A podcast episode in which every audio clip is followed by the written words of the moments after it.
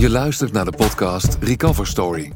Ik ben Rogier van Oosterhout en ik spreek met mensen die vanuit een levensontwrichtende ervaring de weg naar herstel, ontwikkeling en ontplooiing hebben gevonden en hun verhaal met jou willen delen.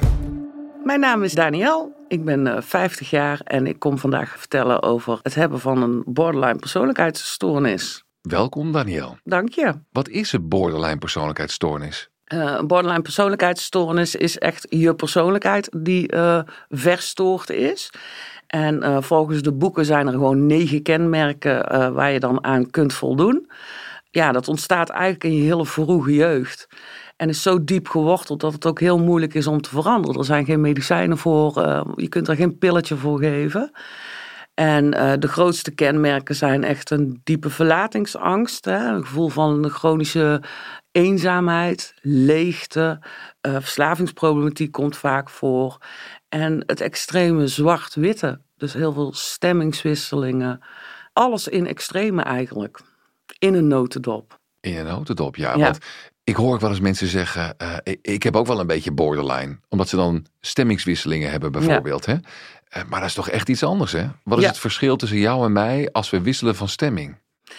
Nou, als het goed is, daar hoop ik tenminste voor je, kun jij het een beetje reguleren. Ja, meestal wel. Ja, dus als er iets jou triggert, bijvoorbeeld als we het over boosheid hebben.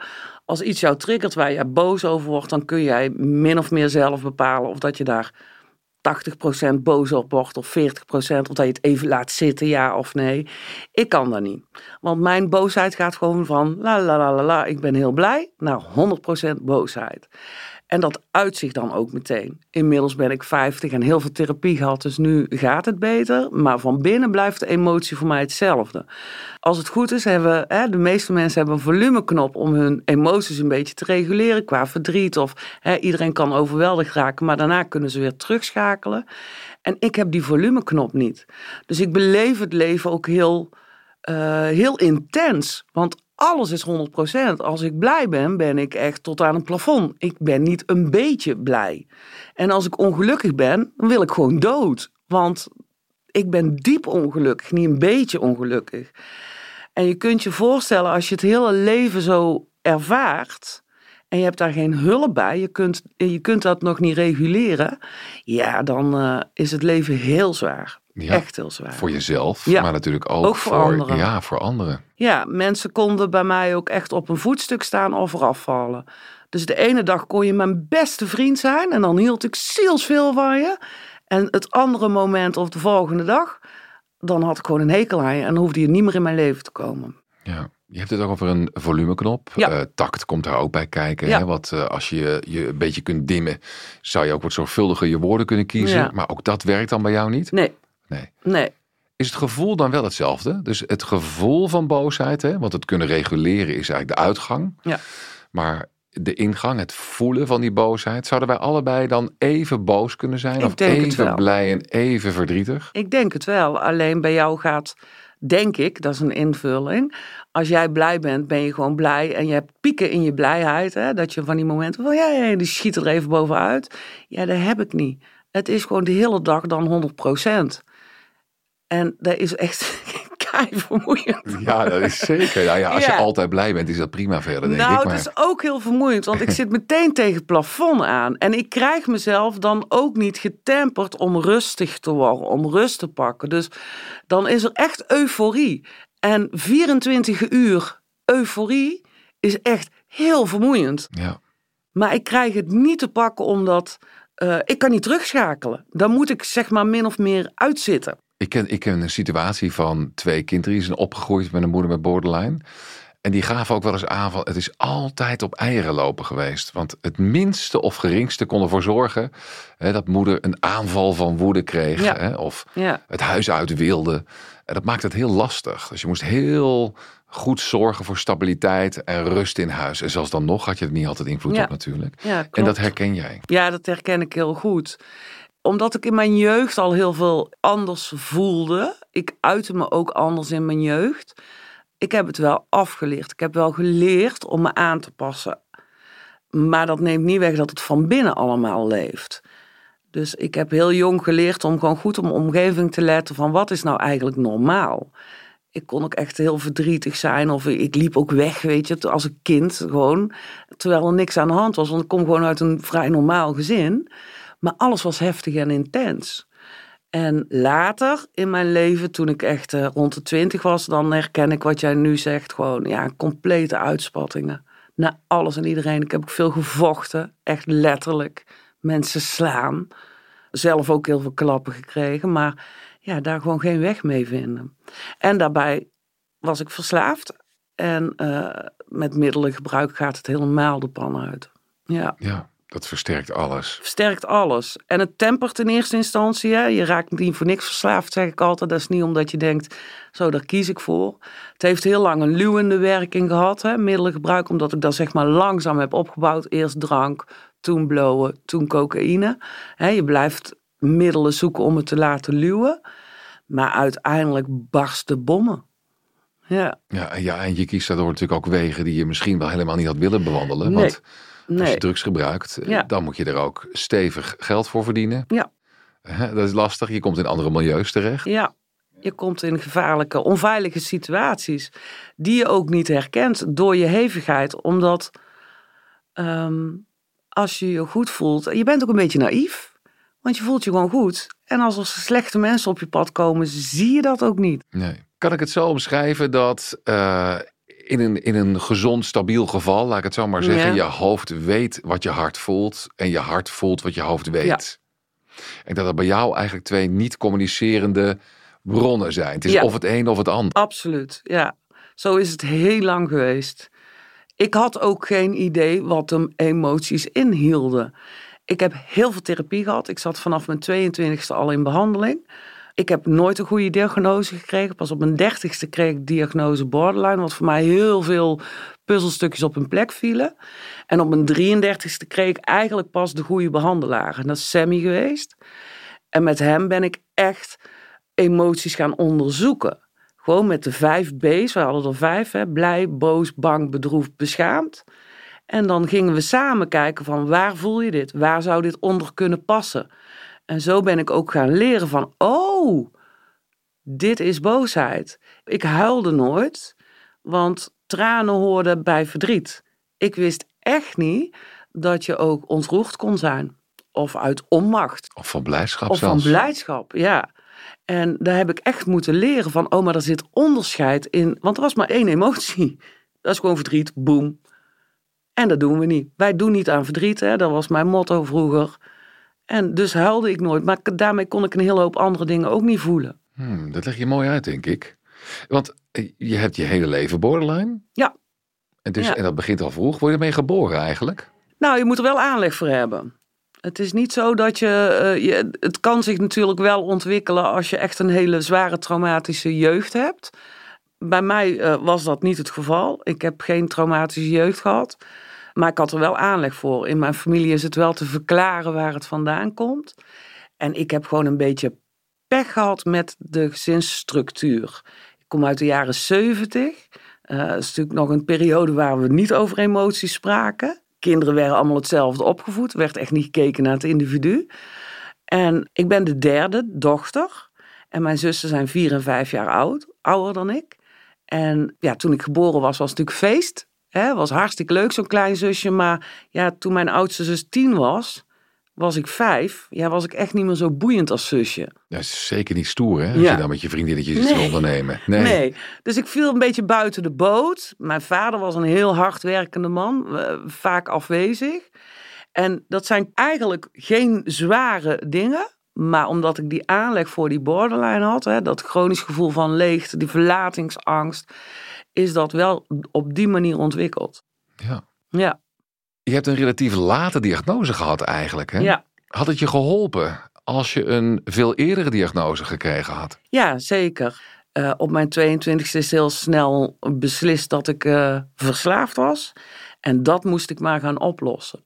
Dus ik heb acht jaar in de verslavingszorg rondgelopen, waarbij ik niet van plan was om af te kicken. Zeker niet, want dat was mijn redding, drank en drugs. En dat heeft wel gemaakt dat in die acht jaar heb ik wel veel schade opgelopen. En ik denk als ik op mijn 22e gediagnosticeerd was, waren mijn patronen minder hard ingesleten. En uh, had ik minder trauma opgelopen. Ik denk dat mijn kans op een leuker leven groter was. En het grootste verlies daarin is dat ik geen kinderen heb. Ik was zo laat met mijn behandeling. En uh, borderline problematiek behandel je niet in een jaar. Je praat echt over jaren. Um, ja, en toen was het gewoon te laat. En um, daar kan ik heel goed mee leven overigens. Uh, ik zeg altijd, daar heb ik negen maanden in het jaar geen last van, zeg maar. En drie maanden in het jaar voelt die, voelt die pijn.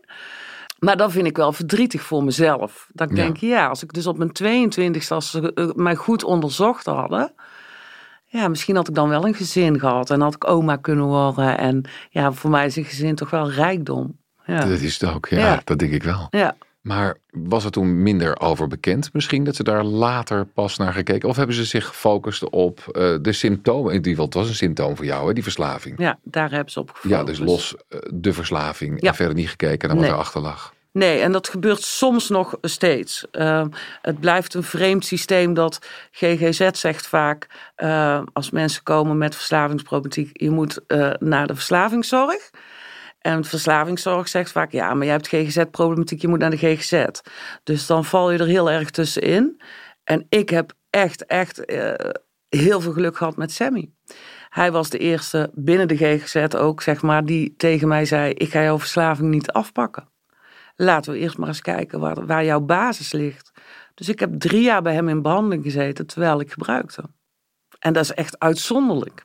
Maar hij is degene geweest die op zoek is gegaan naar de bron van al je problemen. Ja, ja. ja die echt ook, nou, maar ook dat onderzoeken van die emoties was zo belangrijk.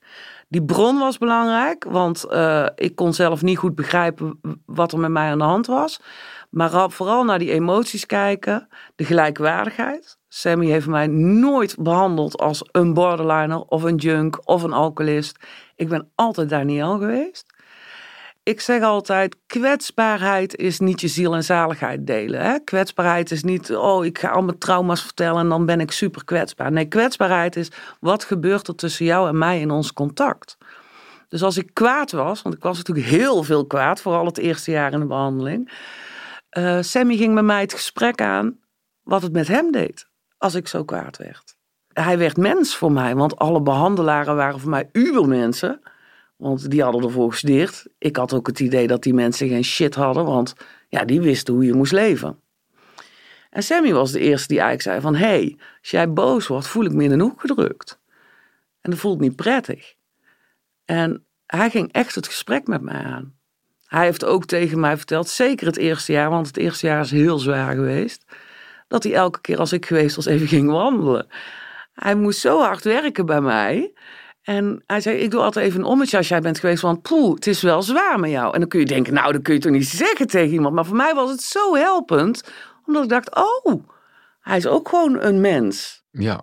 En ik denk dat dat zo helpend is als behandelaren uh, realiseren van kwetsbaarheid is niet heel je ellende delen. Kwetsbaarheid is wat gebeurt er tussen jou en mij. Ja. Waardoor jij inzicht krijgt in wat de gevolgen zijn ja. van jouw emoties of je ja. uitingen. Ja. En verbinding en gelijkwaardigheid. Ja. Ik heb me nooit een nummer gevoeld bij Sammy.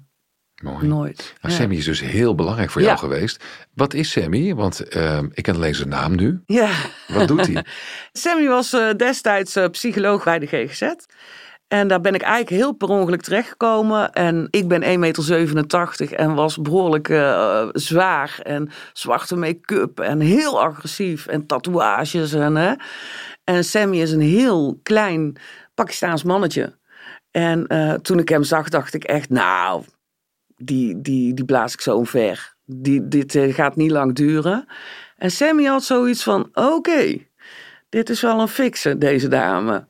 En we hebben het toch gered. Ik heb zeven jaar ongeveer behandeling bij hem gehad. En uh, dankzij hem uh, uiteindelijk afgekikt.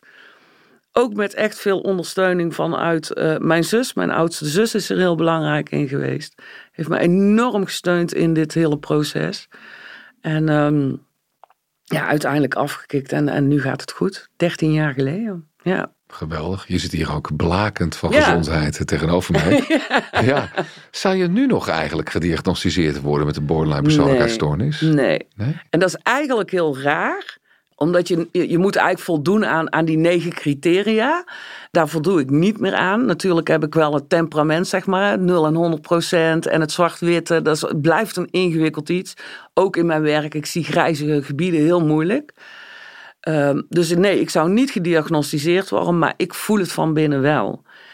Ik heb er wel ehm, mee te dealen elke dag ik ben elke dag wel bewust waar ik mee moet dealen. Ik sta op met een hogere spanning. Ik moet mijn dag voorbereiden. Ik moet goed in verbinding blijven staan met mijn emotie.